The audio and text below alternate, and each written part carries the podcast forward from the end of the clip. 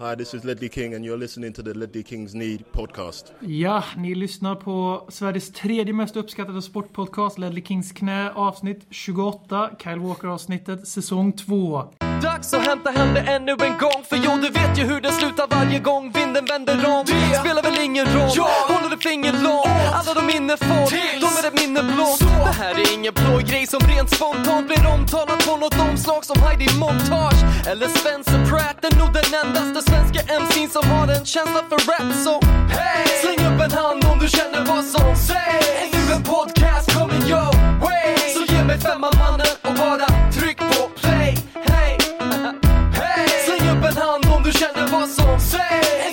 podcast kommer your way. Så ge mig femman mannen och bara tryck på play. Hey! Vid min sida har jag bolsjeviken Marcus Håkman och mitt emot mig sitter ännu en eh, miljöentusiast, Per Frykebrant. Tack jag är Alexander Berg Mattsson. Vi går direkt in till eh, ja, första 1-0-förlusten mot eh, de ukrainska proletärerna Dnipro... Ja, och med en, ett underlag som var värdig en försäsongsturnering i Hongkong, tyckte jag. Det, det luktade lite försäsong här i Sverige också faktiskt när man spelar sina första träningsmatcher här i februari-mars. Som alla allsvenska lag gör i Spanien nu för tiden men vi stackars knekare, vi spelar ju fortfarande på gräs då, eller lera. Men var han så hemsk planen? Alltså det är svårt att se tv-bilder. Jag, jag personligen tyckte inte att han såg så hemsk ut som det verkade på förhand. Alltså när Sherwood pratade om mattan dagen innan, eller jag läste officiellt på något sätt. Att de pratade om att mattan var bedrövlig. Nu kanske han var... Nu, jag uppfattar honom som lite sämre men...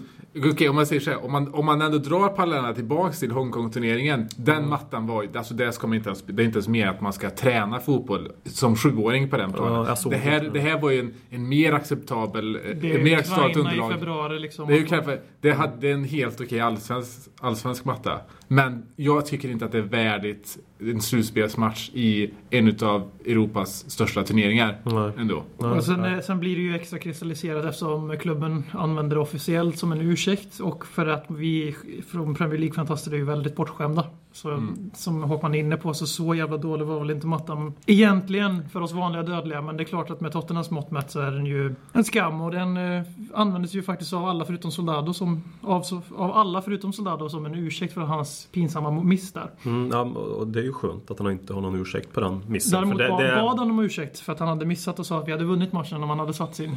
Och det är nog också sant faktiskt. Men, det men tror jag vill bara säga, när man liksom pratar om mattan bara för att fortsätta börja spåra lite, lite till. eh, Så Sherwood beklagade sig ju dagen efter när jag läste på BBC att eh, mattan var, en, eh, var orsaken till förlusten så gott Mm. som, som jag läste. Och det var som du var inne när man använder på officiella håll det som en, som en anledning till förlusten. Då, då tar man ju inte tag i de verkliga problemen som är förlusten. Det är klart att det är en bidragande orsak Som, till som, att det går dåligt. Det är det som Debeles när han gnällde på planstorleken i början av säsongen. Ja men det, men- finns, det finns ju andra grejer att ta tag i än eh, planens storlek eller planens jämnhet eller någonting. Det är klart att det... Mm. Absolut, alltså jag tror att många av oss förstår att det är såklart en väldigt starkt bidragande or- orsak till eh, matchens... Eh, Låga kvalitet. Ja, och matchens resultat, slu, slutliga resultat. Dock så, från officiellt håll så känns det ändå som att Sherwood försöker på något sätt anamma Mourinhos dåliga sidor. Vi har snackat väldigt mycket om att vi vill se det kanske lite mer Mourinho i Tim Sherwood. Och det får vi se nu, men tyvärr Mourinhos dåliga sidor. Ja, de vill man ju inte se längre. inte de sidorna han visar upp nu. Mourinho för fyra år sedan tyckte jag var lite mer sympatisk. Men... När han hoppar på Anders Frisk. Ja, för jag hatar Anders Frisk. Så personligen gör det inte så jävla mycket. Det var ett jävla svin kan jag säga. Men eh, det var ju, vi kan ju prata om mattan och vi kan prata om diverse saker. Det som verkligen fällde oss mot eh, Dnipro det var ju inställningen och det syntes ju lång väg att eh, den här truppen tror fortfarande att de har åstadkommit väldigt mycket mer än vad de har gjort. Och eh, nu för första gången i den här upplagan av Europa League mötte, mötte vi ett lag som vi inte kunde slå bara för att vi ställer ut skorna. Utan vi, okej vi har väl kanske gjort en del halvdana insatser också men Just nu mötte vi ett lag där vi hade kanske åtminstone behövt gå på 80% för att slå dem. Eftersom de, vi får inte, glömma bort att de är alltså, de har inte spelat en tävlingsmatch sedan i december om jag inte minns fel. Eller något sånt där. Det- tionde. Det var väl sista Uefa Cup-matchen Ja. innan antar Så. Mm. så det, det var inget formtoppat Dnipro vi möter heller. Men eh, hade Spurs kommit in på åtminstone 80% i inställning i alla som spelade så hade vi förmodligen åtminstone tagit oavgjort. Det var ett väldigt obekvämt uppvaknande få erfara att Europas bakgård inte längre är Europas bakgård. Att, att fotbollen i de här regionerna har utvecklats väldigt mycket och är på stark uppgång. Och, eh, det är klart att den eh, extremt fördelaktiga lottningen vi fick i gruppen nu kanske också är lite till vår nackdel med att eh, eh det finns eh, vissa typer av eh, underskattning i utländskt motstånd. Men jag tycker inte att insatsen överlag var så bedrövlig som jag tror att många försöker framställa som. Att det, var, det är klart att det är en inställningsfråga när vi förlorar med, eh, mot Denipro med 1-0. Det, det går inte att ursäkta på något annat sätt. Men jag tycker att killar som går in, så som Kall Norton och så vidare, gör en bra insats. Brad Friedel går ju också in och är så bra som han någonsin kan En av vara. hans bättre insatser i Ja, Spurs. ja. Alltså det tänkte jag också på. Brad Friedel har aldrig sett något så här bra i Tottenham. Och det betyder, alltså första året han spelade i Tottenham var han ju helt okej. Men nu gjorde han liksom matchavgörande Ja. räddningar, många stycken. Och det, det är också en sak som slog mig under matchen. Det var att eh, vi har pratat om senaste avsnittet att Loris har tappat den här utrustningen lite grann.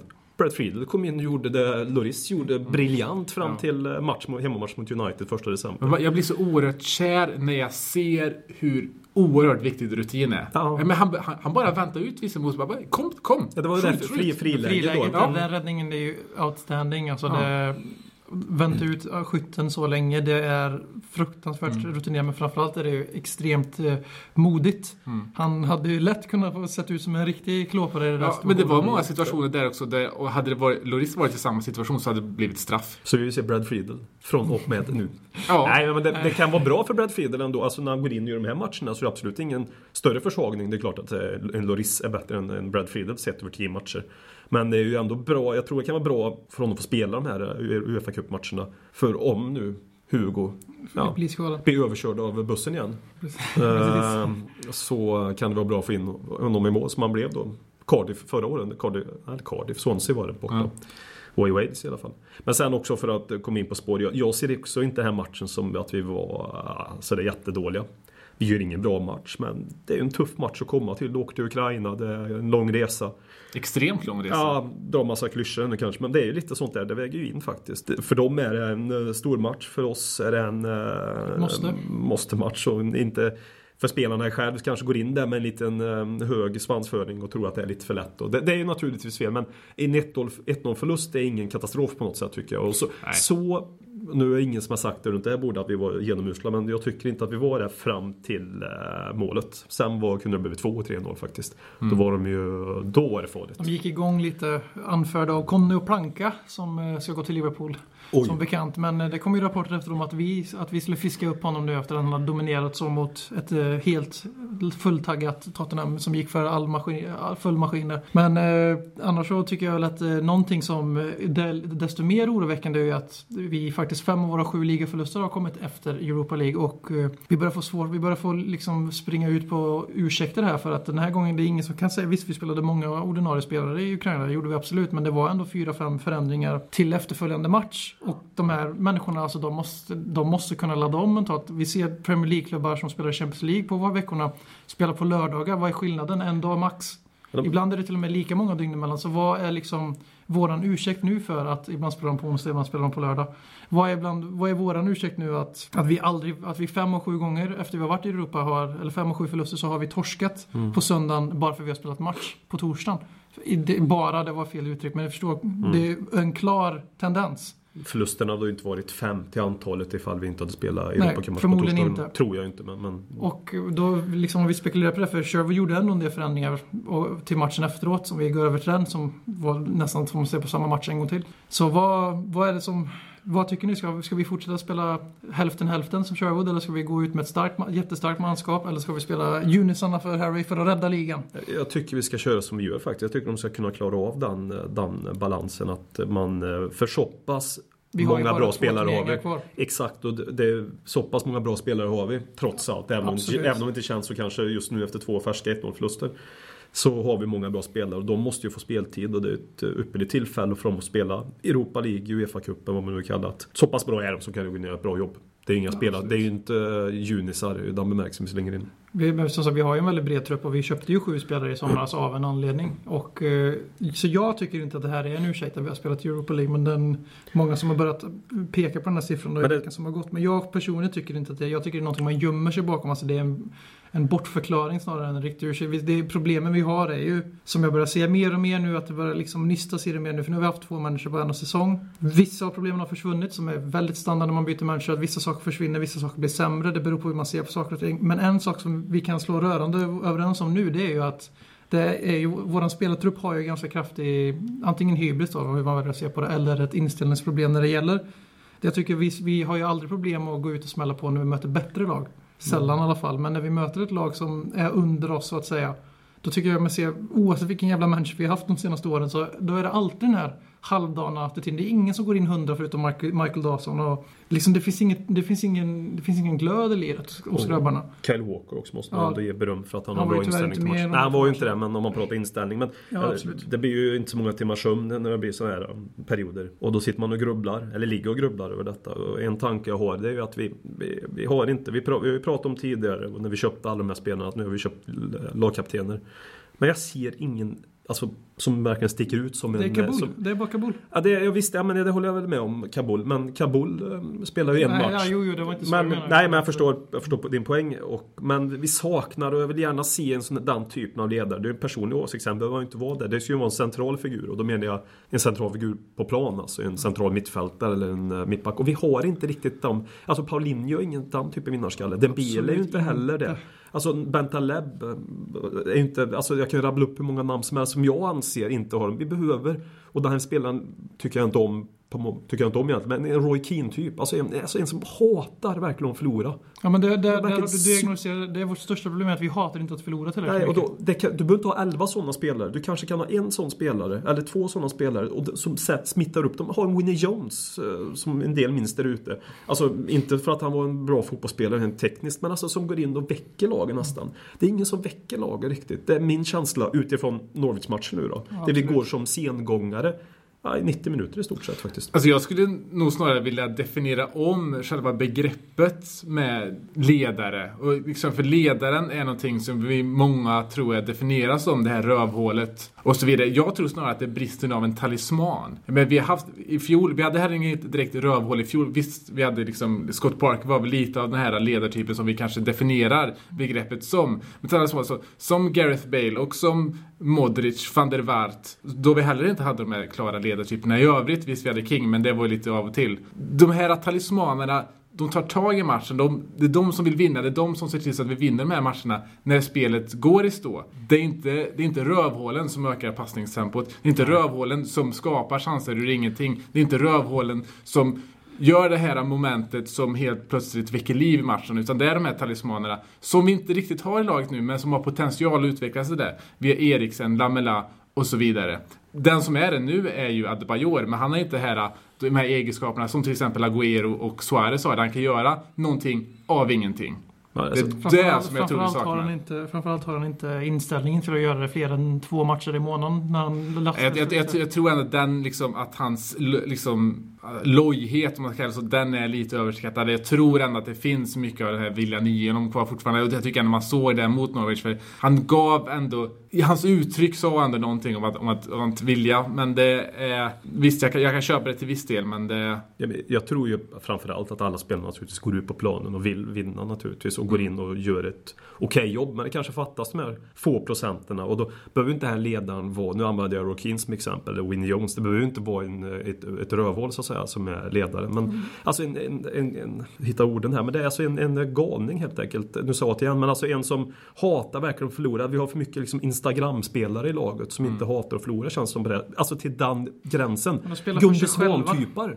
Så- Som går sin egen väg liksom. Det, En sån spelare som jag tycker verkligen personifierar någon slags Instagram-spelaren är Chadli. För jag sitter dem, när jag ser dem i Tottenham, jag såg honom en del också i holländska ligan. Han, han, har aldrig, han har alltid kommit till match med samma inställning, samma uttryck och egentligen bidragit med samma spel varenda match. Och det är inte det här jag ska in och vinna eller den typen. Han, för det liksom, han har egenskaperna att springa förbi och utmana vem som helst. Han är faktiskt en riktigt bra spelare. Vi får inte se den, den typen av spelare som han är. För att det, han, han vågar inte riktigt. Och jag tror att det kan vara lite det också.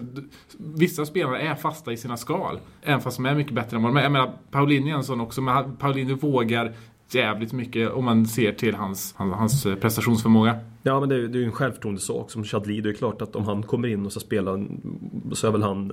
Han vågar väl kanske inte i den utsträckning som han kanske gjorde i Twente där han fick råd att misslyckas hela tiden. Mm. Spel byggde på honom. Jag tycker också Chadli har bra egenskaper om man bara ser till honom som ett råämne med fysiken. Och han kan, kommer han emot igen så kommer han väl ofta förbi med min känsla och stark i kroppen och allting där. Men, Hyfsat stabil in- inläggsfötter också. Alltså, Ja, precis. Han träffar inte månen varannan gång till skillnad från övriga Danny Rose. inläggsfötter i laget. Ja, den, inläggsfoten, jag vet inte hur många gånger jag börjat skrika på den den sista tiden. Samma sak mot eh, Norwich nu. För han kommer ju till väldigt mycket inlägg, Danny Rose. Det är ju, spelet är uppbyggt på det sättet. Och snälla gud, köp en som kan slå Men han har ändå börjat göra det som vi efterfrågar, att göra de här flacka inläggen som är det han kan. Han är riktigt Ja. bra på flacka inlägg. Då har man börjat eh, app- applicera dem mer jag, jag i sitt vägrar säga att han är väldigt bra på någonting. Han har varit yttermittfältare hela sin karriär och han är inte bättre än så här på vilken men vi- typ av inlägg som helst. Vi är inte bättre än så här. Ko- kolla bara hur vi ställer upp Ja, jag senaste trodde du matchen. menade oss. Vi borde ju bara nej, men ingen av oss hävdar att vara Premier League-proffs i en Europa League. Nej, det är mer väl du är inte så här bra.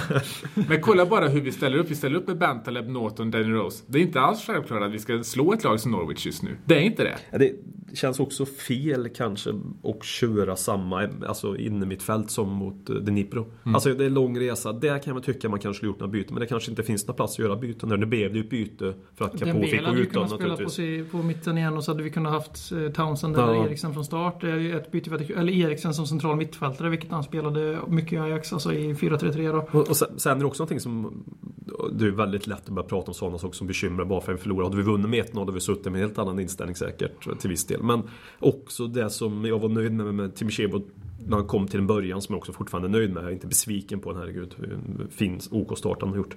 Det är att vi har mer och mer börjat se eh, destruktiv fotboll ifrån på något sätt. Det är, det backas band och det börjar se mer och mer ut som eh, den fotbollen jag kanske inte tyckte var så rolig att se innan. Det är Sherwood. Mm. Börjar se nu mer och mer. Och det gör mig personligen jävligt besviken. men vi är ett inspirationslag igen.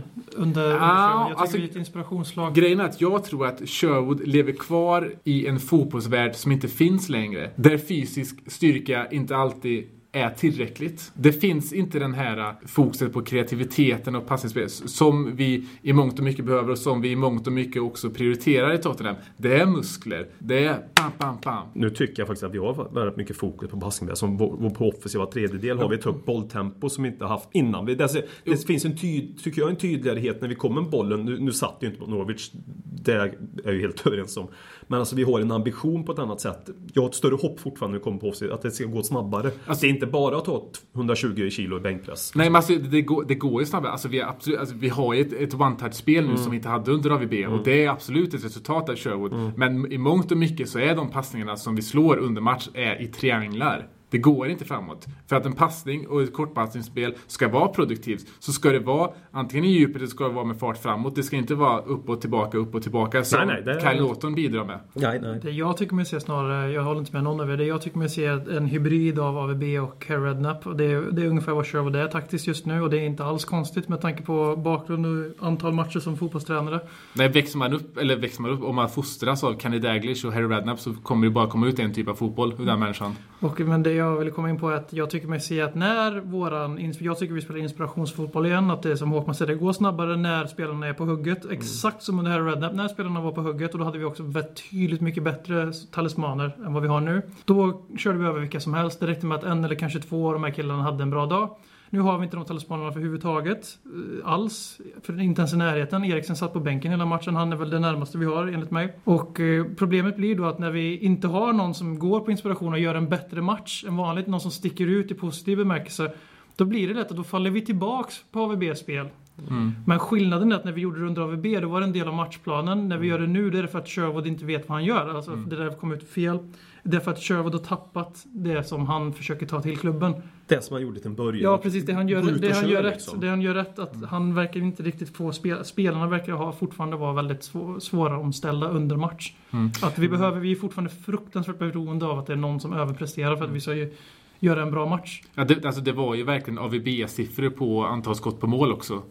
Det var ju Ja, det liksom... var ju värre, betydligt värre än AVB. Vi hade, inte ett, vi hade inte ett avslut på mål efter 80 minuter och vi hade kanske sex avslut i samma hela matchen. Om det var någonting vi gjorde under AVB så var det att avsluta. Sen säger inte jag att det var högkvalificerade målchanser. Men. Okej, målchans med, för, och skotten med AVB var ju, var ju Ja. fler, men det var liksom... Mest i ligan. Då, då, då, var det, då var det också från Townsend, så liksom det var Ja, inte jo, jo, chanserna det var i inte, sig. det, det var inte skottens egentligen. Nej. Men jag förstår, men jag ville bara Ja. påpeka det att så vi hade väldigt mycket avslut under AVB. Men skillnaden var att vi hade väl ungefär lika mycket målchanser som en dålig AVB-match den här säsongen. Och ja, alltså fan vet om vi inte... Hade vi någon riktigt vass målchans förutom Soldados första? Ja, men vi hade ju Chadli också där på slutet Ja, som var, det. det. Nej, var på mm. året. Eh, och jag tycker, om- man summerar de målchanserna vi hade, jag tyckte vi hade rätt många bra målchanser då. Alltså, hade vi satt alla våra målchanser så, så hade vi tagit hem tre poäng, men det hade Norwich också. Eh, men ändå sett till målchanser så, vi ska nog ändå ha med oss en poäng utav, från den här matchen, tycker jag ändå. Även om det såg i, i, i mångt och mycket bedrövligt ut. Och det faktiskt. säger ju en del om Norwich också.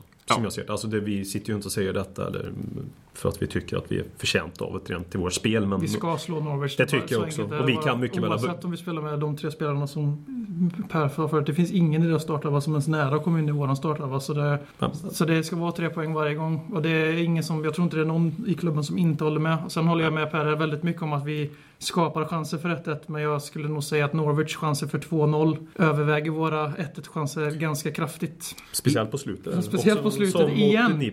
Väldigt oroväckande. Ja, väldigt li, sluten var, ja, Mm. Men sen, jag tänkte på en sak bara snabbt eh, i matchen. Att när Adebayor har en lite mer ofta oss man ändå hade nu matchen Ja, i eh, söndags. Då är vi mer behov av att ha en anfallare nummer två. Eller ha en offensiv central mittfältare som kan komma in och avlasta honom. Nu kände jag att eh, Alltså en Eriksen nu med facit i hand naturligtvis. Ja, jo, det- eh, som vi sitter och gör det är detta. Så det är ju alltid lätt att säga vad- hur vi skulle ha gjort. Men så hade en Eriksen varit perfekt i den här matchen för att kunna avlasta av Adebayor lite mer. För det märkte vi när Adebayor fick en eh, kompis, i alla fall första 10 minuterna. Precis, precis. Att det blev ett bättre anfallsspel då. När Soldado kom in. Nu brände ju Soldado i ett jätteläge. Som har blivit liksom hans grej numera att bränna Ja, jättelägen. precis. Han höjer ju laget direkt när han kommer in. Han höjer laget en offensiv, i offensiven en nivå första 10 minuterna av ren, ren för att han kommer in och blir mer kroppar i straffområdet. AVB, eller nu sa jag det också, Adebayor för en lekkompis. Men så missar han först en jättebra chansen där han absolut måste få den på mål i alla fall. Det finns ingen ursäkt. Och sen den andra som är nick i svårt läge som han gör bra. Det och sen efter det så tappar han ju allt självförtroende igen.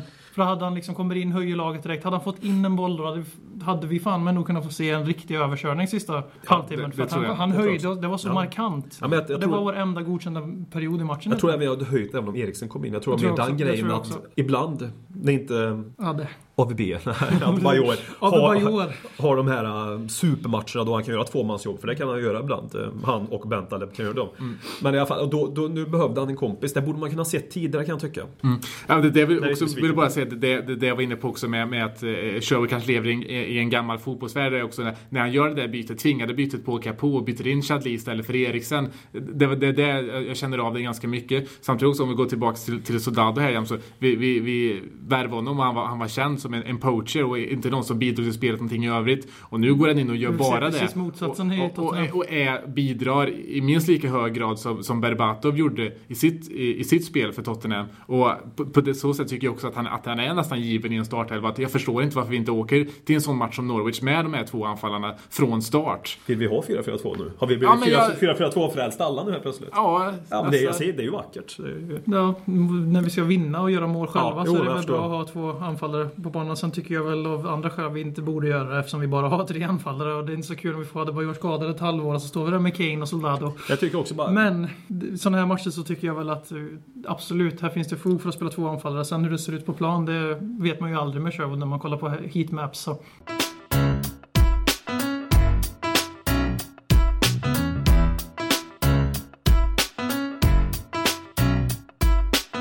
Ja, som alla är bekanta med så tar vi emot Dnipro på White Hart Lane här på torsdag, eller under morgondagen för er som lyssnar på det rikande färska Ledley Kings knä. Och eh, visst fan vänder vi på det här 1-0 underläget grabbar? Ja, det finns inget annat hemma, White Hart Lane, mot ett ukrainskt lag. Okej, vi har precis sagt att eh, det Europas bakgård är på, på uppgång, men eh, ja, det, det är klart på vi ska hemmaplan, det är en fin det. matta, tre poäng. Ja. Och så hoppas man gör någonting åt den här jävla låga kameran man alltid har i Europacupmatcherna. Ja. Det är någonting som stör mig något fruktansvärt. Är det någon Uefa-grej det? Nej men det är att vi spelar på jävla Tromsö Arena och sådana så, så, såna ställen så, där de inte går så, där de har typ fem rader. Nej men alltså på White Hart Lane är det ju så Ja, det är också. också Det var det jag menade. Ja, när vi spelar på, på hemmaplan. Alltså när vi spelar på andra arenor har jag inte tänkt på. För jag har ingenting att jämföra med hur det ser ut i deras andra matcher. Men när vi ser våra matcherna i Europa så är det en helt annan kameravinkel mot vad det är i Premier League-matcherna.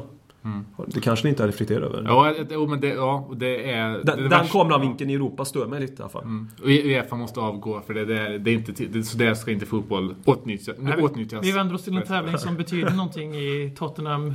Klubben som bryr sig om bara ligaspelet. Ja, för det är väl kanske också snart bara ligaspelet vi får äh, äh, Ja, vi njuta får ju av. slåss om den här femteplatsen då med Manchester United. Ja, precis. ja, men det, för grejen är att om vi åker ut nu i Europa League, så nu har, har inte jag jätte, jättekoll, jättekoll på det här, men har någon tränare i Tottenhams historia haft det så dåligt cupfacit i så fall? Fyra raka förluster? Nej, Ja, åkt ut. det ja. tror jag inte. Och i så fall, redan där är han ju borta liksom. Då, det finns inte en chans att han... Och det, är, är det din värdering eller är det vad du tror? Ja, det, är det är faktiskt både och. Jag tycker väl att jag, jag blir väldigt orolig om det nu slutar med att vi åker ur alla kupper på hans första försök och kanske tar ett kryss eller en vinst kan det ju också bli med fel resultat. Oavsett vad så hoppas jag att vi tar tre raka segrar i Europa League under Team Sherwood nu och slår ut både Dnipro och Benfica, vilket det lär bli i returen. Ja. Men vi kommer inte slå ut Benfica, tror jag. Faktiskt. Jag, jag tror fortfarande jag tror, for- alltså, jag menar, Så vi inte ser Benfica som någon jävla... jag tror att vi kan gå, jag tror fortfarande vi kan gå väldigt långt Ja, i den här också. Men jag, som sagt, alltså, än så länge kan jag inte ge något annat än ett stort fett F, eller IG då för äldre generationer, till Team Sherwood i Eller en etta för andra generationer. Tack, tack. Men eh, det, det kan ni ju inte an, annat med att göra. Men i ligaspelet som sagt, där har ni varit relativt framgångsrik. Så vad tror Marcus Håkman om hans adepts chanser här i, mot Cardiff? I absolut måste-match igen. Alltså det här på pappret och känslan och allting. Det är, ju- vi kommer vinna och vi kan nog bli en riktig utskåpning. Alltså 3-4-0 till oss alltså. Cardiff är allt annat än bra. Ja, Cardiff... Jag minns, vi ju var väl, även om vi vann väldigt sent med en Paulinho-klack så minns jag väl att ändå vi alla tre tyckte att vi gjorde en väldigt bra match mot dem borta Ja, det också. var en av de bättre matcherna. Alltså vi skapade väldigt mycket Ja, vi lägen. spelade vi bra brände något fruktansvärt. Holtby kom in och var jätte, jätte, jätte, jätte. Ja, just det. och nu tjatar vi om Holtby igen. Det kanske Ja, det tjatar gör vi alltid. Men, det, var- det, var, det var också en sån match där man fick se AIBs styrkor, för det var ju de tre inhopparna som fixade de där tre poängen, poängen också. För Paulinhos klack var också framspelad av Lamela som kom in och så vidare. Och nu har vi Sherwood också, så nu, nu får vi se. ja, men alltså, jag tror, inte- tror inte vi kommer Jag tror- ställas mot någon större prov. Gör vi, gör vi ett tidigt mål så kan det bli en riktig urskåpning. för att vi har den kapaciteten och Sherwood släpper ju på tyglarna lite mer så. Men eh, Men hur, hur, de har, fan, det är ju de sådana har, här lag som är så livsfarliga att möta. Nej. Vissa, vi möter lag som slåss för sin överlevnad och vi är lite arroganta, aristokratiska Spurs. Ja, men, så. alltså, om, det är no, om det är någon jag undrar framgång så är det ju Vincent Tan. Och, och alltså, därför är det ju med lite... Lite ett tungt hjärta du säger att det blir 3-0 till Spurs. Ja men det är faktiskt Och sen så Ole Gunnar Solskjaer unnar jag också framgång. Eh. Wilfried. Zaha unnar jag ingen framgång överhuvudtaget. Eh, Nej, det gör inte jag heller.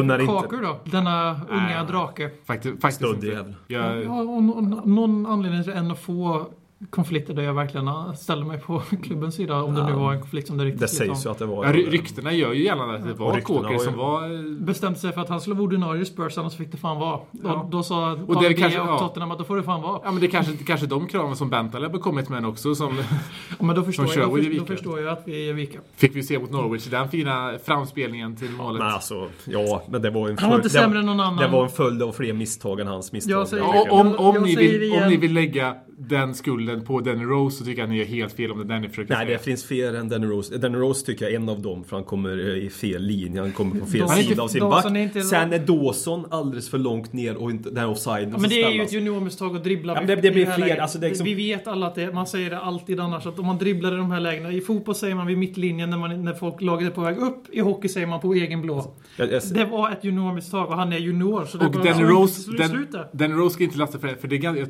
jag tycker det är ganska tydligt att, att Bentaleb ändå täcker upp för Rose. Så då tycker inte jag att Danny Rose ska lastas för det. Här har du men kom, Bentaleb. kom, kommer, Ta på dig skulden. kommer Danny Rose och frågar någonting så säger du ju nej oavsett. Ja. Det är ju den inställning du har till en. Så kommer han och säger vill du ha en öl? Nej. Kommer jag fråga om du vill ha en öl säger du ja. Eller kanske du inte heller gör efter Varför skulle, jag, säga- varför skulle jag säga nej till en öl? Ja, det vet jag. Ja, just det. Ja, poäng. Vad är det för anklagelser du drar till med här? Ja, Varför gjorde han parallellen med öl? Där? Ja. Det var dumt. Nej men eh, jag säger det igen. Jag vi är väl motvillig till att ta upp Nabbe i varje avsnitt. Men han var inte sämre än någon annan. Men det var en ytterligare ett bevis för min tes att han är en Premier League-spelare som ska användas sparsamt och Måste vi snacka om Bentaleb? och det här inte avsnittet håller det som start. Jag så så. jävla- jag är Men det så är så. Han jävla håller inte trött. 90 minuter från start. Det räcker så. Han var inte sämre än någon annan men han ska inte spela 90 minuter varje match. Så, punkt. Så jävla trött på Nabil Bentaleb. Pratet. Ja. Ja, jo, men nu det- kanske vi ska börja snacka lite om Kyle First Name of the team, team Sheet Norton istället. Sheffers Maldini. Ja, men det, han kommer nog inte komma till start nu heller. Frå, ja, det beror på Kyle lite vad det verkar ju hur ser det ut med Kyle Walker? skada. Jag är ju lite för grymt. Ja, men det var ju förmodligen för att han var utanför truppen, får vi väl hoppas. Det vet vi ju inte. Det kan vara att han var ute och söp på Sherwood och sa nu jävlar. Men det tror jag faktiskt inte. Han har växt upp ganska ordentligt när det gäller Ja. sådana grejer, tror Ja. jag. Ska, ska du recappa lite händelseförloppet? Så här var det att jag vaknade en morgon, brydde mig inte det minsta om Kyle Walkers vara eller icke vara mot Nipro. Sen så läser jag på Twitter att eh, han har varit ute och supit och det... Vi hade en trevlig kväll. Den stora antydelsen var ju att eh, det betyder ju att han inte skulle vara med och spela. Det visade sig stämma. Sen om det nu är så att det var för att han inte skulle vara med och spela som han söp eller det var för att han inte fick vara med och spela för att han söp. Det låter ju vara osagt. Jag tror på alternativ 1. Det tror jag också. Jag tror att... Eh, Jag vill dock lägga en brasklapp till Tim Sherwood som lurar mig i min matchrapport där han sa till officiella sidan att vi hade bara Sandro och... eh, Nej, vi hade bara Lamela och Vlad skadade. Och sen likt förbannat så har vi tre spelare till saknas efter skada inför dagen för Tim. ja, men han, är, han är nya AVB. Han Har vi hört den förut? Ja, helvete, ni förstör min kredibilitet på svenska fans. Kan Walker vara nya Danny Rose? Ja. Lamela är ju sig nya. Är, är, är- Walker nya Lamela Ja, kan man säga då? Missing people, om ni lyssnar på det här. Jag vill att ni åker till vår träningsanläggning i London och vid Hot Way och kollar om Erik Lamela sitter fast i en bur på AVBs lilla skrå som han behåller i ett förråd någonstans. Ja, man, man, man, bör- man börjar bli uppriktigt orolig nu över Lamela. Ja, Alltså, var pojken är helt enkelt. det, jag har ju sällan varit med om att... eh, Twittrar hans, jag följer ju inte hans eh, korkade bror, men twittrar han någon mer? Ja, som som ni, la ut all snälla, ni, som, ni som lyssnar på det här, snälla, hör av er. Lever Erik Lamela? Lever hans bror?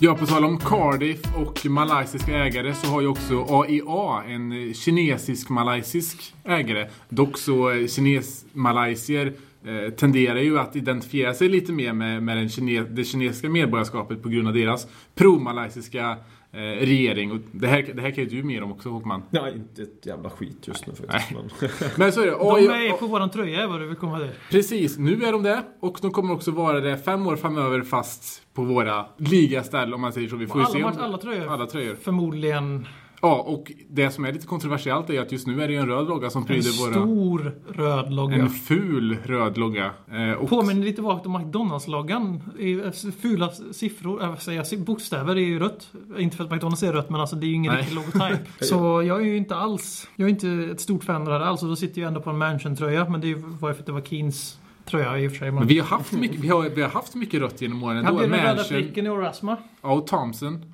Också rött. Men vad den? Ja, innan Mansion ja. Mm. Ja. Fan, Livi är smyggunner. jag har en teori kring detta. Alltså, det blev väldigt upphaussat nu med att, att det är rött i uh, AIA. Jag tror det är en del om sociala medier helt Ja, enkelt. Det allting blir uppe i jävla sociala för, medier. För det här var väl ett problem även då, kan man också tycka. Men nu hetsar folk varandra på något Mm. sätt och ska tävla vem som är mest, två- vem, vem är mest. Tottenham, tot, vem är mest Tottenham-supporter. Alltså att, eh, jag har ja. också skrivit Neverhead också. Nu är jag den största man- hycklaren någonsin för jag är väldigt röd politiskt och människovärderingar men när det gäller sport då säger jag alltid never red. Sen har jag flera fotbollslag och andra Ja. sportlag som har rött i sina kläder och då är jag inte never red. Så jag är bara never red när det gäller Tottenham. Jag såg ju senast NLD hemma hos Håkman när han satt och kollade på den matchen i en hel röd dress. Jag fick en smärrchock när jag gick in Ja, genom det var, dörren. det var inte det var en taskig timing då. Nej men som sagt, alltså, det det gick är ju, men du är väldigt inne på det här med att allting upphaussas ju på det här jävla sociala medier. Jag fortsätter på BM med hycklarespåret här. Jag hatar sociala medier. Jag gör mitt absolut bästa för att inte gå in på dem längre. För det, alltså, det är bara en belastning att gå in på det. Tycker jag. Man blir bara upprörd över att folk säger åt andra Ändå är du den som leva. twittrar Jag mest tänkte, ja, jag det känns- hur många tweets lägger du per dag? Det är det jag menar. Ja, Det är dock kan jag säga ganska kraftigt att det har gått ner fruktansvärt de senaste det veckorna. Gjort Det kan jag lova. OS kanske? Nej, allt. Men Alltså, som sagt, jag säger det. Kanske. med hycklarespåret. men Alltså, det är ju som kokain. Det går ju inte att sluta. Nej, nej. Det är ju det som är poängen, men Jag jag, jobbar på det. Jag hoppas, och jag hoppas även att Tottenham jobbar på att göra sig av med sitt beroende av att ha rött på sina matcher. Men nu är det ju fem år rehab som gäller. Men det som gör mig ruggigt förbannad med det här det är att vi skickar ut Ledley King, den enda stolta ambassadören vi har för klubben på 2000-talet. Och även lite 1990-tal. Han skickas ut som en jävla clown på massa möten i Malaysia och där han står framför en knallröd buss och fånler och med knallröd Tottenham-tröja. Och bara titta på oss, åh vad kul det är att vara Tottenham-ambassadör. Behandla Ledley King med respekt för helvete. Det är ju det han är i Tottenham nu. Våran lilla... Åker runt och var lite... Han var maskot. maskot. Han är ju alltså... Det all, Världens all finaste maskot visserligen, men han är ändå en maskot. Sätt han på tränarbänken istället för Freund för fan. Men jag, jag tycker ju- jag, jag tycker bara för att det ni först pratade om, alltså med AIA där, de siffrorna. Kokain menar du igen väl? Ja, eh, ja, men d- jag tycker det, de sitter fint ändå. Hade det varit en annan färg på dem, hade jag tyckt det varit en bra sponsor. Ja, jag, jag tycker... Alltså rent, alltså, rent eh, jämfört med den vi har nu. HP, nu är personligen HP, HP-loggan tycker jag är bedrövlig. jag tycker den är jättefin. Ja, jag vet vi har pratat om detta off-air så att säga. Men, eh, Jag föredrar ju den eh, loggan, logotypen, deras alternativa logotyp ja, jag har. Där är ett berg. Och den i blått vore ju något. ja, och, Tänk er den, det kommer ju bli det stora jävla runda märket med ett berg och AIA. I rött kommer det ju bli. och, Nu får- 80% av bröstet kommer vara rött. Nu får vi se också hur det, kommer, hur det kommer bli. För, för på vårt eh, tredje ställe i Europa League så har vi AIA och den loggan är inte röd. Eh, så det är möjligt att det blir någon, någon form av kompromiss där. Nu kommer ju inte Livi komma med några som helst motkrav på att loggan inte får vara röd. För det bryr sig inte om överhuvudtaget. nej men det är så mycket Så- pengar också. Ja, så vi kommer, den, jag kan nästan säga till 100% Men, att vi eh, kommer se en röd logga. Jag frågade ju, ja det är jag absolut, men jag frågade kommer ni köpa de här tröjorna under de här fem åren eller kommer ni helt plötsligt bli jag kommer nog väldigt faktiskt pu- inte- pur, puri, vad heter man, pur, puritister eller pur, vad fan heter det? Varför ska vi alltid hitta på svåra ord som inte jag fattar Puranska. också? Vi måste Ren. tänka på kommunala. Jag, jag, fick, jag fick någon jävla Nej, hjärnfrys där, vad sa Det är du? som när Robin är med och kör. Han, Fruktansvärt. 50% av vad han säger sitter jag och tänker hopp. Men han, Nej, sitter med inte med lex, Robin. han sitter ju med ett lexikon, jag Ja. vet inte han själv vad han säger. Jag vet vad jag skulle säga, jag Ja, kommer gå jo, och fick nej, någon jag hjärnsläpp bara. där också. Robin är den största alfa, alfabetisten jag känner tror jag. Så jag kanske inte ska använda honom som någon slags Nej, referens för Nej, nej, nej, intelligens. jag, jag fortsätter med en fråga. Love you Robin. Kommer ni fortsätta vara renrasiga, bättre, holier than thou Tottenham-supportrar? Eller kommer ni fortsätta på ert hyckelspår och köpa de här tröjorna fast never read, så, vid, så att säga? Jag, jag kan inte sitta här och säga om jag kommer göra det inte. Just nu känner jag nej. Men jag vet inte om det beror så jätte- jättemycket på att det är en röd logga faktiskt. Det, jag vet inte. Men jag har inte köpt någon av de röda loggorna förut. Jag, I år har inte jag köpt någon matchtröja till exempel. eh, Just för HP. Jag tyckte den var... Jag vet inte varför jag köpte den i år. För jag köpte med Leddy King på. Sen skulle jag köpa den med Holtby istället. Och ge King till flickvännen slash sambon. Men Holtby verkar ju inte bli kvar i Tottenham. Så det fick jag ju skita i. Men jag kommer väl förmodligen sitta nu och säga att jag inte vill ha en tröja. Sen när matchen kommer så blir det kli i fingrarna och Mm, man ja, blir kokainsvag. Men jävligt liten risk eller chans nu. Men som sagt, BM en hycklare är ju programmets tema. Så att, eh, det kom- det Ni kom- kommer se mig där med en knallröd Spurs-tröja. Det står Gooner for life på Mm. ryggen nästa säsong. Men det kommer ju också bli det här nu, antar jag, att de som köper de här matchtröjorna kommer ju ses från de som inte köper de här matchtröjorna. Till viss utsträckning, nu inte alla naturligtvis, kommer ju se dem och säga ja, titt, plastsupportrar. Och vi i den här podden kommer inte se på supportrar på det här sättet. Nej, Nej. nej, faktiskt inte. Det, Och, och sen så det här med liksom, loggan och allt. Alltså jag liksom, money talks och jag, liksom, jag orkar inte ens bry mig om den biten av fotbollen längre för det, det, det är så det är. ja, matcher, Ja. alltså, det är ju det, sponsor, Acceptera, fotbollen sponsorer. är död. Ja, det finns, alla tröjor finns det ju en sponsor Alltså på. fotbollen den. vid sidan om fotbollen är död. Fotbollen på plan är väl fortfarande vacker och det är en fin fotboll men allting vid sidan om plan, eh, det är bara att acceptera. Det, det, det är money talks och det är företag och det är korporativt liksom. Det, det, finns, ingen romant, det finns ingen romantik i Premier League-toppen. Ja, med allt det är sant också sagt. Så i en optimal värld så har vi naturligtvis inte rött på Ja, ja. våra tröjor. Det tycker vi naturligtvis. Men En man som är känd för att ofta få väldigt rödkindade kinder i sina utbrott i media är ju annars Louis van Gaal och han har ju varit i farten igen och pratat om Tottenham. ett jävla käft. Käften går på honom i alla fall. Det senaste är väl att han mer eller mindre bekräftar att eh, det fortfarande tas kontakter. Alltså det om man läser mellan raderna lite. Men han sa ju att han har igen, då sa han att han har kontakt med Daniel Levy. Han sa igen att han är jättesugen på Premier League efter, efter VM. Han sa igen att han kommer inte träna Holland i EM-kvalet börjar. Och eh, han nämnde igen Spurs vid namn då, så det, vi kan väl nästan utgå ifrån att det, och det har också blivit andra rapporter som kommit ut och sagt att de här två herrarna har haft ett nytt möte sedan efter Sherwood har tillträtt. Där det då har pratats om, om den här gode mannen som brusar upp väldigt lätt verkar det som, om han vill komma till över Tottenham. Jag tycker det är väldigt fel av van Gaal att gå ut och säga allting detta i media. Om det nu är så att de har träffats. För då borde han väl vara så pass trygg på sig själv och mötet med Livi att han ska få jobbet. När han går ut så här så agerar han inte i Tottenhams bästa.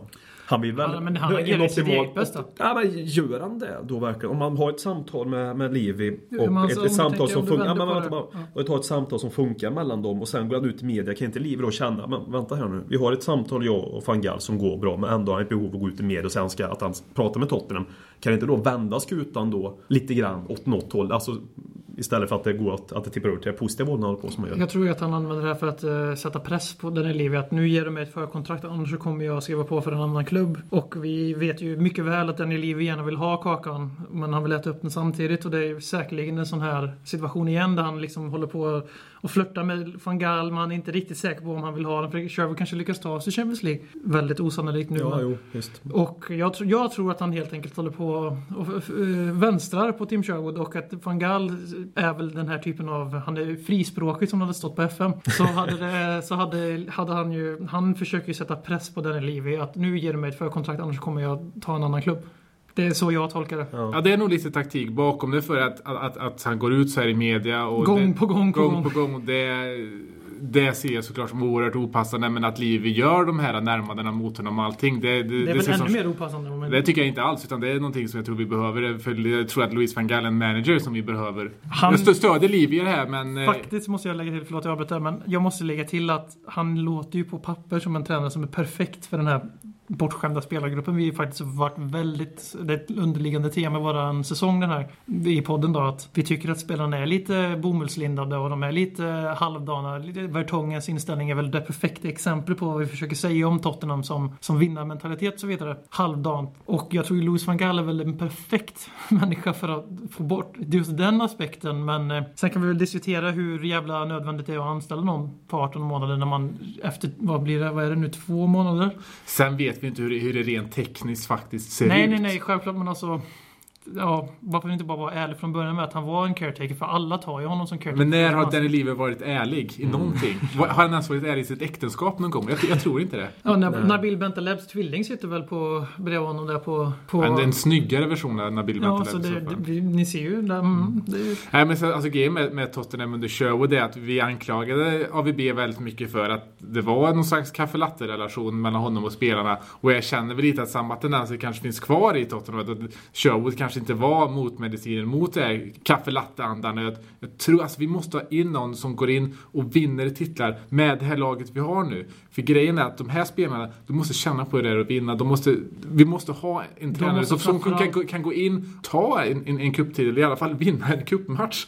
Som inte Sherwood eh, verkar kunna i nuläget i alla fall. Jag tror att, att, att eh, van Gaal vore jättebra för vår klubb. Och sen så, sen så är det klart att man underminerar Sherwood om det är så att det faktiskt är så att han har, fick ett 18-månaderskontrakt där han blev lovad att vara första tränare. Men nu vet vi inte hur det rent tekniskt faktiskt ser ut. Jag, jag tror... man är aldrig lovad att vara första tränare i 18 månader. Nej. Det, man är aldrig lovad att vara första tränare mer än en dag i Tottenham. Alltså Nej. det är i alla klubbar. Men Och sen vet, sen vet vi inte om det står i kontraktet att, att han ska vara, att liksom det är en kontrakt för första tränarroll eller om det är en, liksom någon slags Det kan ju vara, det kan ju tränarkontrakt. vara så att om vi hittar en bättre tränare fram till det här datumet så får du istället ta den här rollen inom Ja. klubben. Bla bla bla. Absolut, det är inte alls omöjligt att vi kommer kanske ta honom in i ledarstaben under van Gaal. Det hoppas jag i så fall. Men det, För att odla honom då som en egen Mm. tränarprodukt och att han då är en caretaker i all but name och att han fortfarande ses som en tränare. Mm. För vi får också, vi får också men det är väl bättre att skicka ut honom som första manager i ett Premier League-lag för det har han ju definitivt tjänat ihop sig redan. Ja, men jag, jag tror faktiskt inte det. Och det är det lite vi kommer till. Vi kan ju inte vara ärliga mot oss själva och säga att om han hade fått gå från Tottenham nu så hade det varit andra intressenter i Premier League. Jo, för bara hans för, egen- bara för hype-maskinen som är för han är britt. Jag säger inte att han Nej. förtjänar det så, men han är britt. Han hade lätt fått någonting Nej, jag alltså, bara för hype-maskin. jag tror han får någon av de högst, två högsta ligorna Ja, i alla fall. Ja, Championship absolut, men jag tror inte att det går, skulle kunna gå till ett annat Premier League-lag. Och det är där liksom jag ser i det också att liksom, ska vi ha kvar en tränare som... Det är klart, alltså, vi, ska ju inte, vi, ska, vi ska ju inte slå bort honom bara för att ingen annan klubb hade anställt honom. Men jag tycker ändå att det sätter saker i lite perspektiv. Även om jag gärna har kvar Sherwood Man i måste börja någonstans. Och jag, alltså jag tror ju att han har någonting, Tim Sherwood, som tränare för att han var en sån fantastisk ledare som fotbollsspelare. Det var en kapten och Eh, ja, det finns ett bra, alltså en bra ledar, led, råämne som ledare tror jag jag jobbar med. Sen klart det finns taktiska brister, herregud. Det tycker jag nästan alla fotbollstränare har och vissa har mer än andra liksom. Men eh, just den biten, det är det som jag tror att han har en framtid som tränare. Och sen betyder ju inte det att han framtiden behöver vara eh, tre ligatitlar och sånt där i den utsträckningen. Men jag ser honom ha en rätt bra trä- fram, framtida roll som tränare. Det som talar emot det är väl att han själv inte verkar ha trott på det här eftersom han inte har läst de här nödvändiga kurserna för att få bli heltidstränare utan att få dispens i alla. Så det är, Nej men det är ju det här det finns brister naturligtvis. Så, absolut. men sen så tror jag väl också att han har en tränarkarriär framför sig. Men jag är väl mer inne på Pers spår att jag tror fortfarande att han hade kunnat få jobb i någon underpresterande Premier League. Till exempel Fulham hade kunnat vara intresserad av honom före Magaff om de nu hade eller efter Joll om han hade gjort samma För han är en ung brittisk manager och han får hype som fan för det. Med all rätt eftersom de är, det är deras egen, deras egen nation och deras egen liga. Det är klart att de vill ha tränare som representerar deras fotboll. Men eh, ja, det hade varit lägre skiktet av Premier League, förmodligen högre skiktet av Championship. Kanske till exempel QPR som går lite på tomgång just nu. Så där hade han ju, så jag liksom visst det säger ju en del ändå vad nästa klubb för en sparkad Tottenham-manager blir. Det säger ju en del vad de går sen. Men jag tycker själva, själva grundpoängen är att det är fel att vi håller på så här. När vi har, varför har vi anställt honom? Varför vi kan underminera AVB? Varför vi kan, varför vi kan ta AVBs jobb mitt under säsong om man själv bara ska... Då hade vi lika bra kunnat låta AVB rida ut oss tills den här säsongen. För då trodde vi uppenbarligen inte på Champions League ändå. För att Sherwood verkar inte bli kvar oavsett. För vi är ju i högsta grad fortfarande med i Champions League-racet. Men vi håller ändå på och letar andra alternativ. Alltså, du, du, Så då hade vi lika bra kunnat låta AVB krascha den här säsongen och sen sparkat honom i sommar och tjänat massor med miljoner för det. Men det var väl det också som vi pratade om till med AB, att det låg väl andra beslut bakom det än det sportsliga Det- enbart. Utan det var väl... Det, Och det är uppenbarligen med Sherwood också om det fortsätter så här och han ändå inte får fortsätta. Mm. Ja, men Ja, det, men om- det, det känns som att eh, Tim, eller Livi söker någonting ut den perfekta världen. Han vill ha ett namn. Som gör Som- allt han säger åt honom. ja, ett namn som är välkänt och ett namn som lyckas. Även om det nu som Sherwood som inte är ett namn i människokretsar så Eh, lyckas som jag, som jag tycker han har gjort bortsett från cupmatcherna naturligtvis. Men jag har sett under den korta tiden han varit så har jag sett saker som har gjort mig mer glad än ledsen så att säga. Och eh, det, återigen, det är tajmingen när detta kommer fram och blossar upp lite mer. Det är ju det. Alltså en torsk mot Norwich som kommer fram, det beror ju inte på torsk mot Norwich. Men det är ju efter den det kommer fram. Och mitt i säsongen, jag förstår inte. Nej men vi, så, alltså, det, det räcker ju. Det krävs ju inte mer än två dåliga matcher i rad. Och sen så hade vi väl, uh, var det före för Newcastle hade vi också en rätt så svag insats. Så det, man kan ju välja att tolka det så också. Så lägger man till cupfaset då kan man helt plötsligt måla en väldigt mörk bild. En väldigt medioker bild av Tim Sherwood om man vill. Jo, alltså, men det är ju lite grann hur man... Alltså Jo, jag alltså, väljer att jo. se det lite mer positivt med Jo, Sherwood, men det det, det, erkänner min jag poäng också. är att det är så pressmaskinen styr. Det är pressen som styr här. Det Jo. är exakt som vanligt när det gäller Tottenham. Så är det pressen som styr eh, hur support, de flesta supportrar ställer saker och ting. Och just nu är det väldigt mörka rubriker. De mörkaste under hans tid, överlägset. Och det är ändå en fis i vinden jämfört med hur det var under den förra människan. Ja, nu är det inte så här att vi ska gå in och ifrågasätta Sherwood för att han fått ett dåligt resultat borta mot Norwich. Ja, det inte alls händer, det vi det gör. händer. Ja, precis, det händer och det har hänt många gånger förut, speciellt i vår klubb. Mm. Eh, sen så är det dock att jag börjar ändå tvivla lite efter kanske den här veckan på om man faktiskt kommer vara övertygande till att få förlängt förtroende på sportsliga grunder. Innan trodde jag att han skulle kastas lite av skeppet i juni på grund av kanske ja, marknadsmässiga eh, grunder eller, eller kanske samarbetsmässiga och, och sådana grejer. Nu tror jag till och med att det kan svikta lite på sportsliga grunder, grunder också. För kommer vi in på, i, i, i maj och slutar på en sjätteplats. Visst, han har gjort ett jättebra jobb i sin premiär, eller i sin debutsäsong som, som, eh, som tränare. Men han har inte övertygat någon om att eh, han ska eh, få stanna kvar rent på sportsliga grunder. Alltså, det är, jag, personligen är inte så svårt med att vi kan byta tränare ditt och datten ibland. Utan det gör vi ju jämt hos oss. Eh, utan det är, det är tajmingen att detta kommer fram här och nu igen. Att det alltid är det Sätter sig kaos. i huvudet på spelarna. Ja, det blir för mycket alltså. Det, och det är så har det ju varit även innan den här händelsen naturligtvis. Men det känns som det blir, För varje tränare vi sparkar och för varje ny tränare vi får så känns det som att det blir kortare och kortare tid med tålamod och eh, min, mer och mer gnäll från alla ledare. Från Livi som är ute och fiskar mitt under säsong. Han kan ju klart han ska fiska efter namn. Det är inte det jag säger ifall det skulle bli en ny. Men det är därför jag tycker också att folk som man pratar med har ett ansvar att hålla käften verkligen. Och försöka, alltså att livet sätter det krav att ja, vi pratar nu med dig, van Om det nu, nu vet vi ju inte hur det går till att det finns en överenskommelse dem, dem mellan. Att detta stannar mellan oss liksom. Ja, och jag, jag tror faktiskt, alltså Tottenham är en klubb som lider just nu faktiskt på många sätt. Jag tror att vi fortfarande lever i skvalpvattnet av Champions League-finalen mellan Chelsea och Bayern München. Och det var också säsonger innan det och en säsong efter det där det var också väldigt mycket på håret att vi, att vi fick Champions League-platserna. Och där kan eh, inte bara just det här projektet utan eh, om man ser Tottenham ur ett lite större perspektiv har varit ett väldigt hårt knivhugg i sidan på, på Tottenham som klubb och eh, projektet är stort. Och jag tror också att ett, ett namn som kan gå in och få, få lite mer tro på, på projektet, kanske vinna. Jag, jag begär inte så mycket mer än ligacupsitter liksom. Eh, det är det jag tror att Louis van Gaal kan komma in och, och bidra med. Men jag, jag, håller, jag håller med. Nej, jag, jag tror faktiskt att vi, vi, vi, måste, vi måste börja, vi kan inte börja gapa efter de stora titlarna. Vi måste ändå få in en, en, en vinnarkultur igen och, och känna på det och vinna. Framförallt måste spelarna känna på hur det är att vinna, för det är det jag tycker som brister i mångt och mycket. Att det blir nästan som att man spelar i ett ingenmansland. Och det gör vi nu. Och det är kanske också lite skönt att vi fick den här förlusten mot Norge. Nu är vi och, i det här liksom, något slags ingenmansland där vi inte kan... Fem, kan, poäng, fem poäng ner och sju poäng upp med målskillnaden inräknat. Ja, och sen så, jag menar, förmodligen kommer sjätteplatsen innebära Europa League också. Så att, eh, det gör det redan nu. Om, alltså, om, om, City, om, City, om, City vinner, om vi har räknat det där rätt. Om det är så då. Eh, så då känns det ganska skönt att vara tillbaka till den goda tiden 2004 när matchen inte betyder någonting. Och det är där jag tror vi kan ta med oss och kanske kollektivt ha den inställningen att vi går in i en match som vi gjorde 2004 som åskådare. Talkman show, Talkman show, Talkman, Talkman, Talkman show.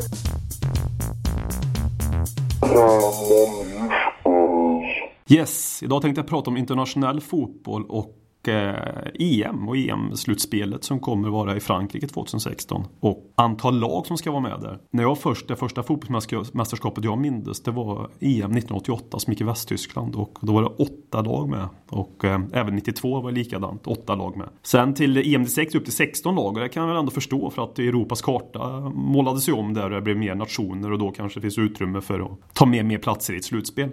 Men nu till eh, EM 2016 så var 24 lag med. Och då känns det som att den här eh, glädjen att ta sig till ett EM som för svensk del då, utifrån det perspektivet jag pratar nu naturligtvis, var en, eh, en prestation bara det som jag upplevde att gå till EM. Numera känns det som ett krav och att ta sig till EM är inte så speciellt unikt som det var förr och det, det, det förstör ju. Det, liksom, det finns en risk att EM blir lite grann som hockey-VM. Inte på samma nivå men det är inte det här speciella, unika att gå till ett EM-slutspel. Det är liksom bara för att ta i VM, då var det 24 lag som senast 90 eh, och 94 och det ändras ju också. Eh, men eh, ja, mindre lag de här stora mästerskapen för att göra det mer exklusivt igen. Det är vad jag vill ha. Men tyvärr kommer inte det att ske. Tack! Talkman show, Talkman show, Talkman, Talkman, Talkman show.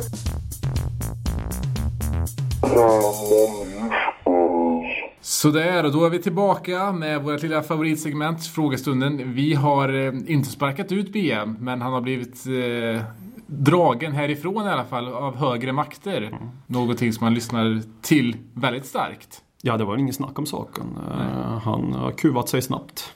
Ja, det var inte länge sedan han blev sambo. Nu har han inte längre någon... Free spirit. Nej. ehm, frågor har ni skickat in som vanligt. Vi tackar jättemycket för det såklart. Vi har fått väldigt mycket frågor. Vi är alltid lika glada. Är det så att e-, era frågor kanske inte kommer upp alltid så är det ofta att vi försöker integrera frågor i pratet vi gör i övrigt i podden också. Och eh, de frågor vi tar upp är kanske också sådana som kan vara, kan vara lite svåra att, att applicera på de, de ämnena som, som vi tar upp i övrigt. Och när ni ställer frågor om, om eh, till exempel matcher och lite spelare och sånt så är det ju sånt som är väldigt lätt att applicera på föregående och kommande matcher och så också. Ehm, vi har också det som vi har fått nu, nu här senast är väldigt mycket frågor från eh, norska lyssnare, vilket vi är jätte, jätteglada för. Skönt att OS är slut också. ja. Men det är någonting som vi kanske får uh, utnyttja lite mer i framtiden. Vi kanske får åka iväg till Norge och spela in ett, ett avsnitt eller någonting. Med en vit flagga? Ja men absolut. Jo, men det är jätteskoj att det lyssnas på andra sidan gränsen också. Och mm. uh, vår, värmlä vår värmländska kanske uh, kommer till sin fördel här. Ja, det kanske appellerar lite till den skaran. Eh, jag, jag ska faktiskt till Oslo här om, om, några veckor så jag kanske träffar på några då. Mm. Jag vet inte. Ja. Eh, först är det Björn Nyqvist som har skrivit till oss på Facebook. Han skriver Gratulera Håkman till OS-bronset. Han är väldigt lik Viktor Kjell i lag Edin. Det vet jag väl inte om du är jättelikt. Jag vet inte ens vem det är. Han, är, han, han har glasögon. Ja, okej. Okay. Det, det, är det. det, är det. Ja, ja. Och um, ja, jag gillar ju curling. Martin Persson också har frågat på Facebook eh, och frågar lite varför vi tror att vi inte gör några mål på hörner. Och det gör vi ju inte. Ställer jag frågan till dig Håkman? Ja, alltså när gjorde vi mål på hörnor senast? Det är klart vi gör något mål per säsong men vi är ju väldigt svaga på fasta situationer. När vi inte hade Gareth Bay som satte in frisparkarna varannan match. Och tittar man på fotboll numera så är det väl ungefär att en 28 procent vad jag hört från väldigt kunnig person som har sagt detta i en annan eh, webbradio. Eh, att 28 procent kommer in på fasta situationer. Eh, och då är väl det även medräknat skott direkt i mål. Men vi får för få enkla mål och exakt vad det är, det vet jag ju inte riktigt. Förutom att vi borde kunna göra med för vi har ju längden i laget i alla fall. Och det är kanske också någonting som gör att vi inte riktigt kan utmana i toppen. För det är sådana lag som får de här enkla målen och som plockar också in på så sätt de enkla poängen. Liverpool till exempel bara de har gjort väldigt mycket mål på fasta situationer och då är det inte bara mina hörnor utan det är Gerards frisparkar som man slår in som de möter bra med skallen, Skertel och alla de där till. Mm. Filip Adamsson har skrivit en fråga. Vi har fått den här frågan ganska mycket. Vi kan ju ta upp den här igen om det är någon som har missat den. Bästa Spurs-pubbar innan match? Ja, Bricklayer säger ett måste om det är London vi snackar nu. Det kanske är ett tråkigt svar att ge. Jag vet inte om du har några andra alternativ? Bill Nicholson? Ja, det, det kan ju vara man tillhör det manliga könet eller också även det kvinnliga könet och gillar det så finns det ju trevligt att titta på det har jag förstått. Ja, det... Vissa såg ju det senast. Stripptendenser? Ja, precis. Uh... Christian Paulsson skrev in en fråga till oss här för några dagar sedan på Twitter. Jag tycker vi tar upp den för det kan, den uh, går att relatera väldigt mycket till nuet och uh, kanske också senaste matchen mot Norwich. Uh, han frågar, vad tror ni det krävs för att få människor att bry sig? Varken jakt på ära eller hög lön verkar vara svaret. Och det här är en uh, problematik som är väldigt närvarande i dagens fotboll när det är, det är en marknad och det är, det är business. Man spelar som Yahya Touré gör, där man får mest betalt. Mm. Ja precis, och är man så bra precis som Yahya Touré då kanske man kan väga in även plus en klubb som kan ju vinna någonting. Men jag tror jakten på den höga lönen tror jag att det är, det är den jakten som är framförallt nu bland många spelare. Vet du att du är en begränsad fotbollsspelare och får en lön då, alltså, det är lätt, lättare att slå sig till ro nu på något sätt så där känns det som. Det, det, ja. ja men det är väldigt mycket så. sen så, jag, jag tror att för att få människor att bry sig, jag, det, det, är klart att det, det här är ju proffs. Det är så, oavsett egentligen vart de spelar och, och vad de får i lön ikväll så är det klart att de alltid ska ge allt. Men det är också därför jag tycker det är så oerhört vackert och som också ett svar lite på den här frågan i dagens fotboll är klubbar som till exempel Atletico Bilbao eh, San Pauli som har anknytningar på andra sätt i mm. samhället mm. som gör att det ändå blir en anknytning, vilket är väldigt svårt att få i en så globaliserad fotbollsvärld. Ja, ja precis, så är det. De rika blir rikare, de fattigare blir fattigare. Alltså klubbarna nu då säger mm. så. Jag menar, det, det är bara att se England att spela Premier League och inte spela Premier League. Vilken enorm skillnad det är ekonomiskt för klubbarna. Det sägs väl att åker du upp i Premier League, även om du skulle åka ur första året så är du en miljard rikare. Så vi kanske ska få Tottenham att bli lite mer lokalförankrad, eller kanske på något sätt samhällsförankrad? Ja, de har tagit, eh, vad jag har förstått, ett ganska fint ansvar eh, efter, speciellt efter incidenterna förra, förra när det nu var, jag kommer inte ihåg vilket år, då, då det var kravallerna var i England där efter det, och Tottenham. De tar ju ett ansvar för lokalområdet Tottenham, men det, man kan ju alltid göra mer, så att säga. Och med de orden så tackar vi för oss. Vi får se om vi fortfarande är med i två turneringar när vi hörs igen. Men eh, hörs, det gör vi. Hej!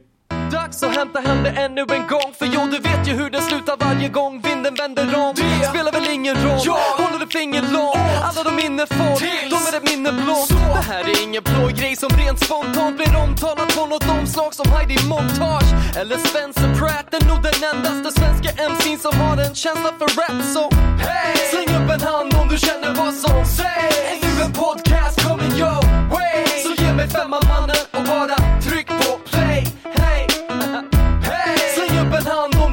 vad som sägs. En podcast coming your way. Så ge mig femman mannen